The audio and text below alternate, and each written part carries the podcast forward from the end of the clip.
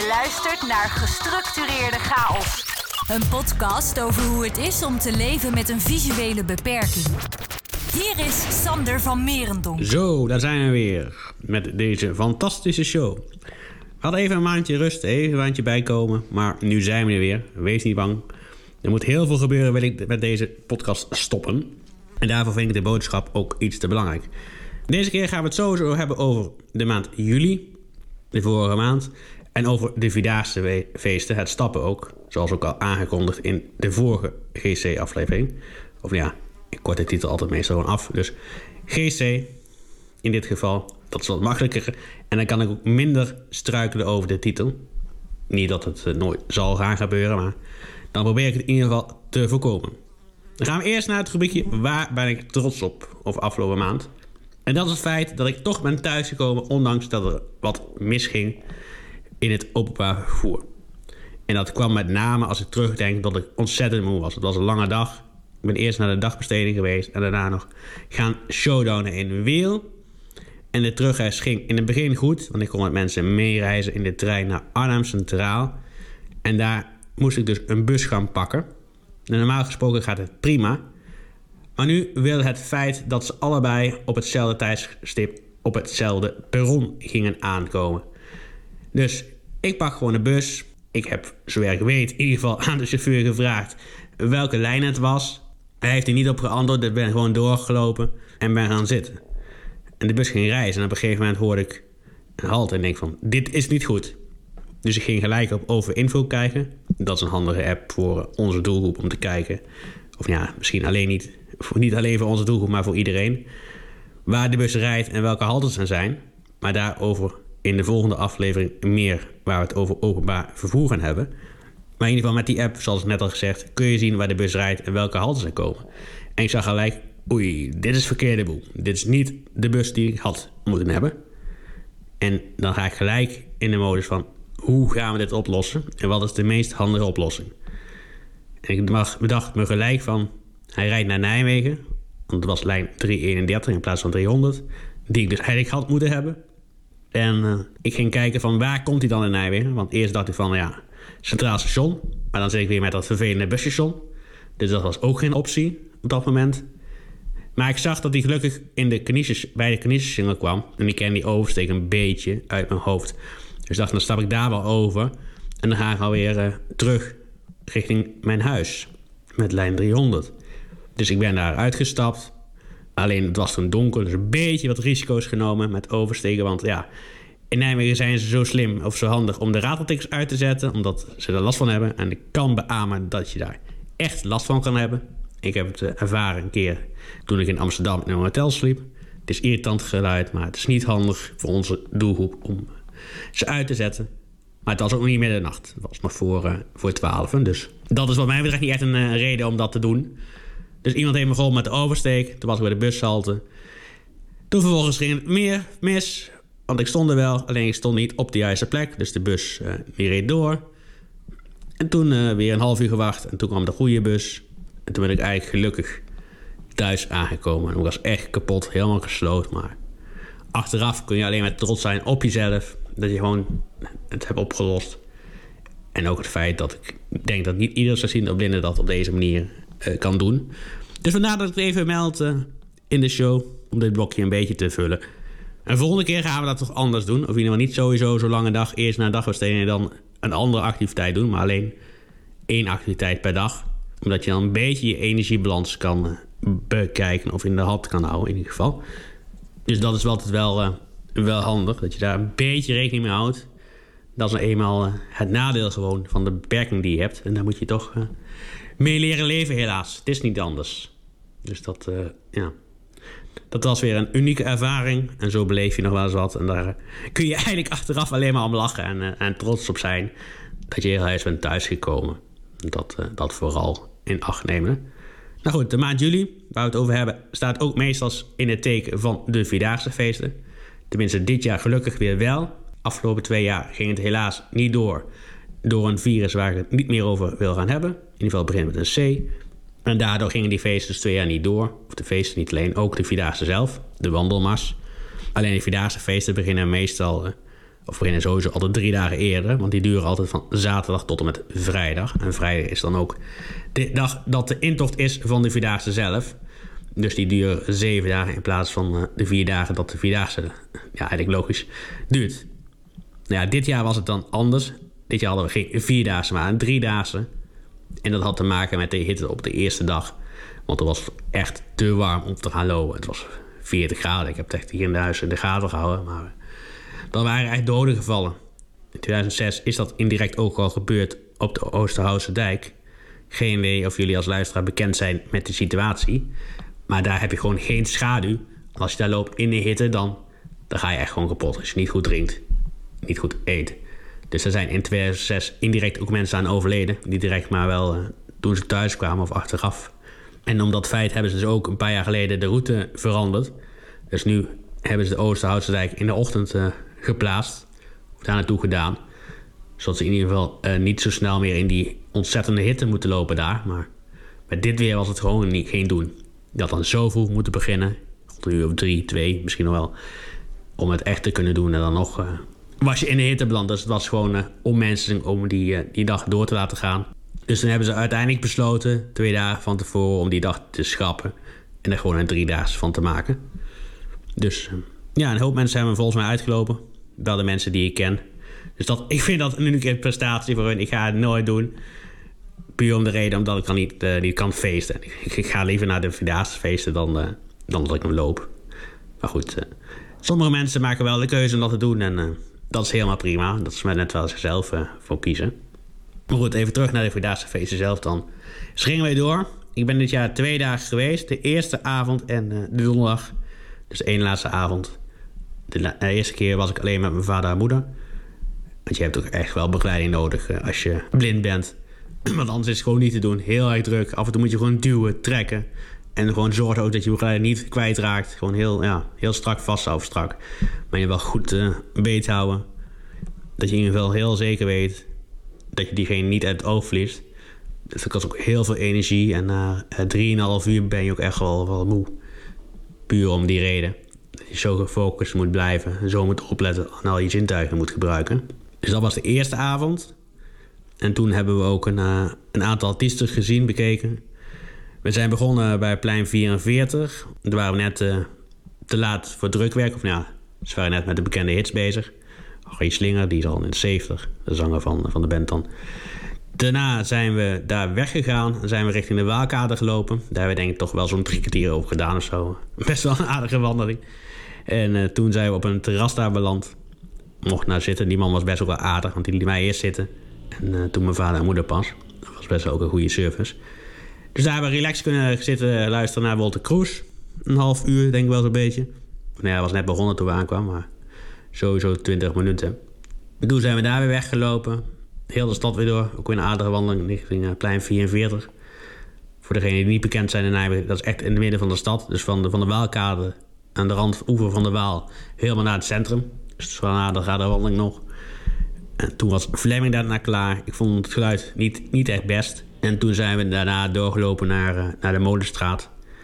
Echt het uitgaanscentrum, uh, ook voor de studenten. Nijmegen is studentenstad. Havana de Waal is ook een bijnaam uh, voor Nijmegen. Daar zit heel veel kroegen in die Molenstraat. En dat was echt een, een Nederlandstalige podium. Waar heel veel Nederlandstalige artiesten kwamen. En die avond hadden ze Frans-Duits gepromoveerd. En daar hebben we nog even nageluisterd. En daarna zijn we rustig naar de auto gelopen. Nou, niet naar de auto. Mijn vader heeft de auto opgehaald. En ik en mijn moeder zijn gewoon uh, blijven wachten tot hij daar weer verscheen met de auto. Dus dat was avond 1. En later in de week gingen we nog een keer. Alleen toen ook samen met een goede vriend van mij. En toen hebben we ook weer een goede avond beleefd. Heel veel leuke artiesten gezien. Ook nog een, een aardige ontdekking gedaan. Een band die we heel toevallig tegenkwamen. Want we waren eerst bij de grote markt. Dat is een beetje in, ja, in het centrum. De winkels zitten daar ook, met de gemeentehuis ook. Uh, zijn we naar plein 44 weer gelopen en daar uh, speelde toevallig een... Uh, oh, de eerste ging naar het Koningsplein, maar daar zijn we niet echt lang geweest. Maar toen gingen we naar plein 44. Daar kwamen we een country band tegen, maar het echt, echt het goede. Met de naam de Wetnecks. Nee, ja, zoiets volgens mij. En die speelden covers van ook bekende hits. En die hadden dus een county saus gegeven. En dat vind ik echt heel goed. Als je dat kan, dan kun je echt wel iets. Dus dat, daar hebben we ook wel een tijdje staan, denk ik een minuut of twintig.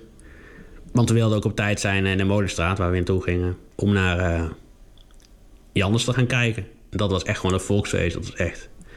Ja, ik denk nog maar heel veel tevreden dat we terug. Als ik die muziek, filmpjes, mijn vader heeft veel muziek gemaakt, die nog ziet, dan krijg je toch een kippenvel. Dat was echt, echt heel vet. Ja, dat had ik ook niet van, verwacht van tevoren. Ik had nog nooit live gezien. Dus dat was gewoon een heel feest. En toen zijn we rustig teruggewandeld. Toen hebben we nog een, eh, broodje hamburger genomen. En uh, ik heb nog oliebollen meegenomen. Maar dat doe ik altijd voor de achterop om als ontbijt te eten. Dus dat was wel heel erg leuk. En uh, ook die middag daarvoor bijgepraat met hem. Dat we elkaar ook lang niet meer hadden gezien. Dus dat is altijd wel fijn dat je met je beste vrienden gewoon goed kan bijpraten. Dus ik kijk met tevredenheid terug op de Vierdaagse feesten. Maar als ik dan advies mag geven, een tip, ga daar gewoon niet alleen naartoe. Omdat het gewoon zo druk is.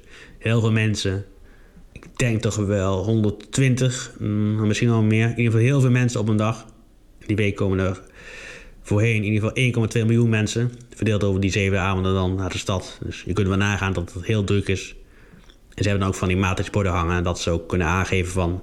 Ga niet naar de welkade bijvoorbeeld omdat het gewoon druk is. Of vermijd het. En ga ergens anders naartoe. Want er zijn genoeg podia. Podia of 40. Dus uh, je hebt genoeg keuze. Heel veel variatie ook. Ook een aantal nieuwe podia. Maar in ieder geval genoeg variatie om het publiek te verspreiden over de stad. De stad is daar ook groot genoeg voor. Dus dat uh, was het juli festijn. En daar hou ik meestal ook wel een week vrij uh, voor. Of ik neem dan altijd wel vakantie, omdat ik daar wel uh, heel graag naartoe wil. Omdat het gewoon eigenlijk een beetje vergelijkbaar is met een heel groot open terras. Of daar vergelijk ik meestal wel mee. Allemaal gratis artiesten, alleen je moet dan wel betalen voor, voor je drinken. dit jaar hadden wel iets gedaan voor duurzaamheid. Want je moest dan even uit mijn glas kopen voor 3,80. En dan bij het volgende drankje kon je dat glas dan inleveren of gebruiken. En dan kreeg je wat tekort. En was het 3,30 uh, qua bier. Dus dat, en dat scheelt natuurlijk ook qua rotzooi in de stad. Want voorheen lagen er allemaal glazen op de grond. En, dat soort dingen. Dus dat is gewoon uh, ook een stukje zorgen dat de stad sneller schoongemaakt wordt, kan worden. Na zo'n avond dat in ieder geval niet echt een grote puinhoop wordt in de stad. Dat is gewoon uh, niet nodig. Dus dat uh, was het over de Vierdaagse feesten. Dat was weer een, eh, een groot feest. En ja, volgend jaar weer wat mij betreft. Dus kijken wanneer we gaan. Maar meestal toch wel één avond. En heel vaak de donderdag. Omdat ik toch ook weer heb gemerkt dat dat vaak de, een van de leuke avonden is. In de stad. Ja, ik, ik vond hem gezelliger dan de zaterdagavond. Ik kan niet echt duiden waardoor dat komt. Maar ja, misschien dat het toch de eerste avond is of zo. Dat mensen dan nog even uh, los moeten komen. Goed los ook moeten komen. En later in de week gewoon uh, beter kunnen feesten. En uh, minder nodig hebben om ook te kunnen feesten. Dus ja, het is een aanname, maar ik denk dat dat wel, wel een reden zou kunnen zijn waarom het ook zo is. Gaan we verder naar het blokje bewustwording. Want dat vind ik altijd wel belangrijk om dat in de show toch even te benoemen.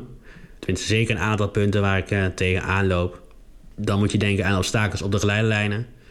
En dat kan van alles zijn. Het kunnen koffers zijn, reclameborden, zuilen, uh, stijgers. Ik had het laatst ook weer hier aan het dorp dat ze opeens een stijger hadden geplaatst op een kaan bij de kerk hier. Daar, uh, daar moest ik toch echt omheen en dat was wat lastiger. Dus in dat geval zou het ook wat handiger zijn als uh, het een beetje opschiet met begeleiderhond. Maar goed, daar, daar kom ik zo meteen nog even op terug. Dus dat is niet handig en probeer dat ook te voorkomen. En als je het ziet, probeer dan ook zo'n bord te verplaatsen. Dat in ieder geval niet in de weg staat uh, op een lijn die we toch uh, nodig hebben om onze weg te vinden in een bepaalde situatie. En als je toch merkt dat mensen op een lijn staan, tik dan even op de voet van die persoon, heel lichtjes, niet te hard. En je hoeft ook echt niet tegen die persoon aan te slaan, dat is gewoon super asociaal, dus ik zou dat ook nooit doen. Probeer het altijd eerst netjes op te lossen, voordat je echt agressief gaat worden. Want dat verergert meestal ook de situatie. En dat is uh, in mijn uh, ogen onnodig. Dus probeer dat ook echt te voorkomen dat dat moet gebeuren. Geleidehonden, ik had het net al even over, worden ook vaak afgeleid. En je kunt als gebruiker nooit echt goed bepalen wat dan de reden is. Of ze worden afgeleid. Of dat uh, er iets anders aan de hand is. Dat er gewoon een obstakel staat of dat ze worden ingehaaid wanneer ze afgeleid. In ieder geval Dat kunnen redenen zijn waarom een hond zou kunnen stoppen. En als blinde kun je gewoon niet zien wat, wat er aan de hand is. Dus dan is het vaak fijn dat er een ziende bij is. Of er iets van zegt. Zodat je ook kan ingrijpen. En dat een hond ook begrijpt dat er aan de hand... Ja, een hond begrijpt dat niet. Excuus me. Nee, een hond begrijpt niet altijd wat er aan de hand is. Dus uh, ga ook echt niet op de hond schelden. Want dat is ook niet goed voor de combinatie. Dus probeer dat altijd te voorkomen. En misschien dat je in dat soort situaties beter een hond even kan laten stoppen. Kan laten stilstaan. En dan weer verder gaan. Zodat in ieder geval uh, geen irritatie kan omwerken in de combinatie. Dat is uh, uit ervaring nooit handig. En in combinatie met hetzelfde onderwerp is dat geleid dan in principe nergens geweigerd mogen worden. Tenzij het echt een grondige reden is. En dan moet je denken aan uh, hygiëne, maar ook straling. Ik heb het ook wel eens gehad bij mijn klinisch geneticus in het ziekenhuis. En dan begrijp ik het heel goed. Maar het is toch wel wat veranderd dan in die situatie met mijn eerste geleidehond. Toen, dan praat ik over tien jaar terug omdat er toen nog geen VN-verdrag was waar je mee kan slaan. Of waar je kan zeggen van... Kijk eens, er is een verdrag waarin staat dat jullie in principe de geleidehond niet mogen weigeren. Omdat je dan ook de persoon weigert. In die situatie, ik heb zelf meegemaakt... Ja, is toch heel, heel confronterend en heel heftig. Want als je... Ja, de hond is toch een deel van jou, laat ik het zo zeggen. En als je dan geweigerd... Je merkt ook al dat het me gaat raken als ik het erover heb. Dus dan kun je je al indenken dat je het zoveel mogelijk moet proberen te voorkomen. En wat ik zelf ook vaak doe als ik naar een restaurant ga en ik moet hem meenemen, moet is een groot woord, maar wil hem meenemen, dat ik van tevoren even bel van uh, kan het überhaupt of kan ik hem beter thuis laten? Want niet iedereen is ervan gediend. Ik heb het ook een keer meegemaakt hier in dorp met de Chinees. Ja, die wilde echt niet dat het naar binnen ging. Dus ja, kon ik eens terug hier naar huis en daarna weer uh, daarheen om echt mijn maaltijd op te halen. Dus dat soort dingen maak je ook uh, mee met geleidehonden. En verder, wat je ook tegenkomt, is het uh, ja, niet laten oversteken of niet stoppen bij een zebra. Terwijl je het volgens mij wel geleerd wordt met de rijles. Ik heb zelf nooit rijles gehad, uiteraard. Dat is helemaal niet verstandig ook, maar volgens mij wordt er gewoon verteld dat je voor een witte stok, voor een stok moet stoppen. Blijf altijd wat 6 seconden wachten. Ik steek hem ook met wachten 6 seconden om echt, te controleren of een auto niet gaat doorrijden. Maar vaak gaat het ook wel gewoon goed. En dan uh, niet altijd. Maar je kunt het ook niet altijd zien. En je moet ook gewoon risico's durven nemen in dat soort situaties. Anders kom je zelf ook niet verder. Dan blijf je alleen maar stilstaan. Dus dat is ook, ook niet handig. En een probleem wat ik laatst tegenkwam. En wat, uh, ja, wat me wel eens zorgen baart. Wat me echt raakt in mijn zelfstandigheid. Er zijn de stakingen personeelstekort in het openbaar vervoer. Want dan kun je zelf niet op pad. Je bent er al van afhankelijk.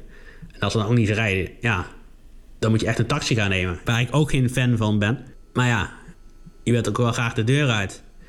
Dus dat is uh, niet altijd handig.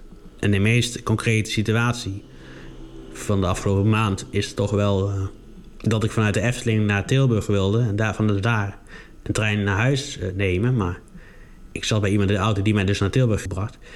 En toen zag ik al gelijk in de app van... We waren wel iets te ver richting Tilburg. Dus ik was iets te laat. Eigenlijk gezegd, maar ging alleen even kijken hoe laat mijn trein ging vertrekken. En dan zag ik van, die trein is geannuleerd, die is geannuleerd. Ik dacht van, oei, hoe gaan we dit nu oplossen? En gelukkig heb ik echt het geluk gehad dat die persoon mij naar huis wilde brengen.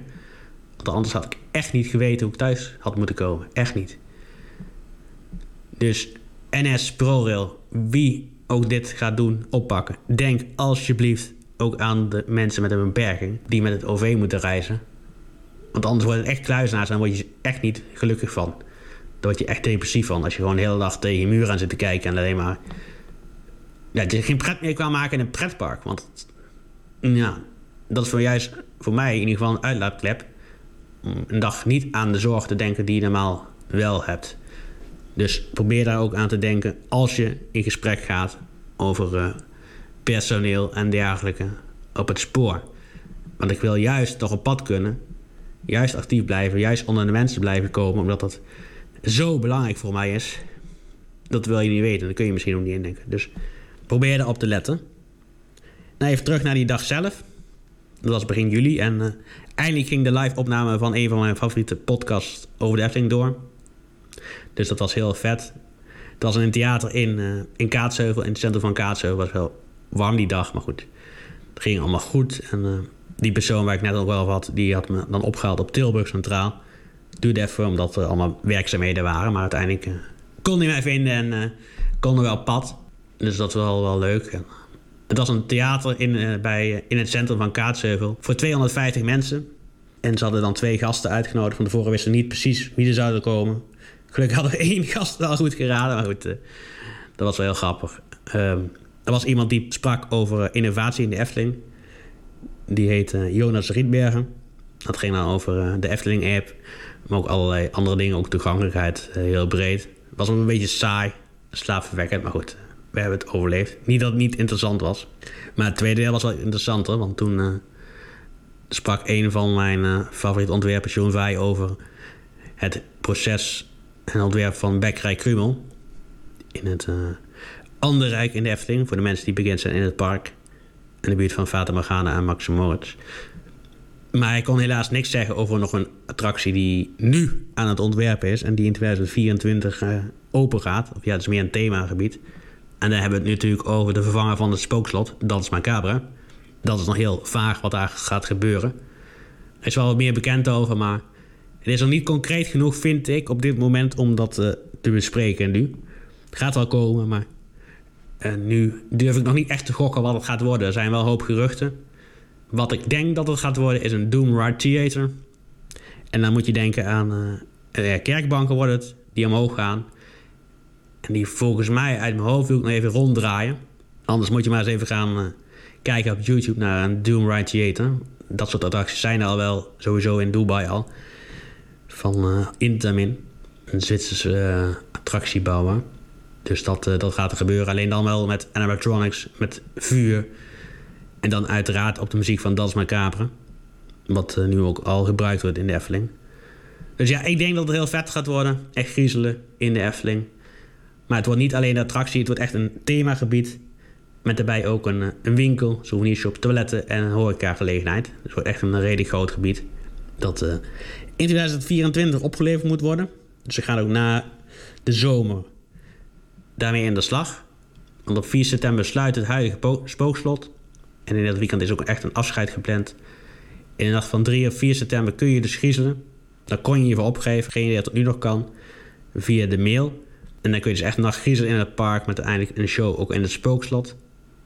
Daarnaast gaan ze ook nog pin uitgeven, de week van tevoren. En een boek met allemaal foto's. Dat was eigenlijk wel iets wat ik uh, toch wel graag wil aanschaffen. Gewoon als collectors item. Dat is het hoofd. En daarnaast uh, ja, zijn ze natuurlijk ook al, zoals al eerder vermeld bezig met Efteling Grand Hotel. Daarvoor staat ook heel het entreegebied op de schop. Het wordt echt een heel groot hotel, wat ook in datzelfde jaar wat ik net al noemde gaat openen in 2024. Dus dat zijn eigenlijk de meest grote projecten in de Efteling die nu gaande zijn. Waar ze nu ook hard mee bezig zijn. Dus ja, dat is ook een waarschuwing. Mocht je naar de Efteling gaan, dan kun je echt een grote bouwput tegenkomen. Zowel nu al bij de ingang als ook straks iets verder het park in.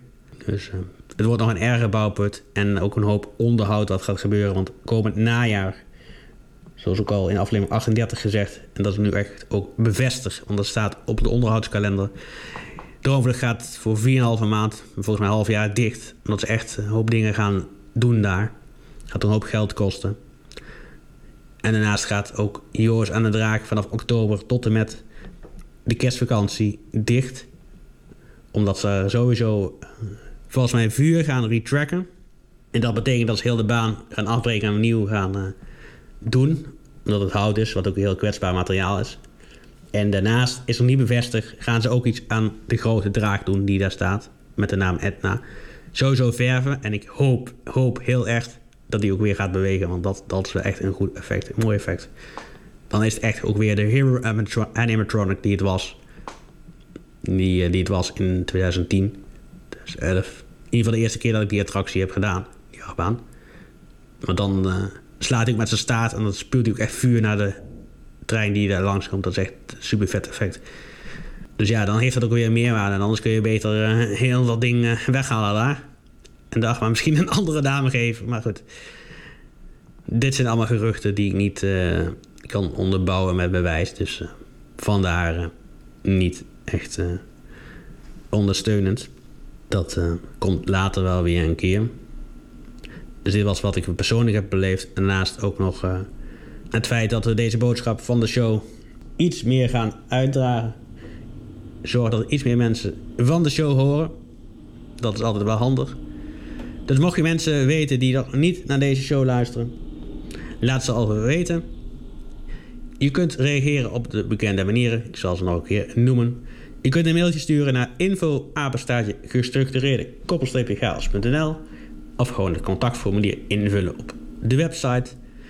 Je kunt naar de show luisteren via alle bekende podcast-apps die er maar zijn, zoals Apple Podcasts, Spotify, Stitcher, you name it. En op Spotify en Apple Podcasts kun je ook een review achterlaten. Dat vind ik altijd leuk.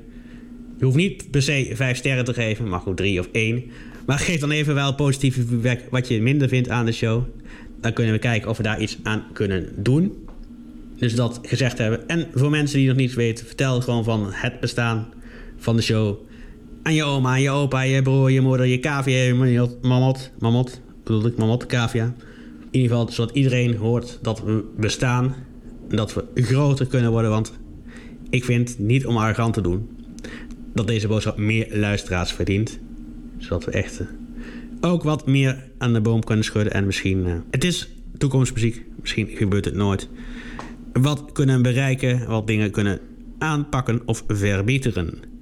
Bye bye. En tot in de maand september, of in ieder geval de volgende, dan gaan we het hebben, zoals eerder gezegd, over het reizen met het openbaar vervoer. Bedankt voor het luisteren naar deze aflevering van Gestructureerde Chaos. Niets missen van deze podcast? Abonneer je dan nu via de diverse platforms.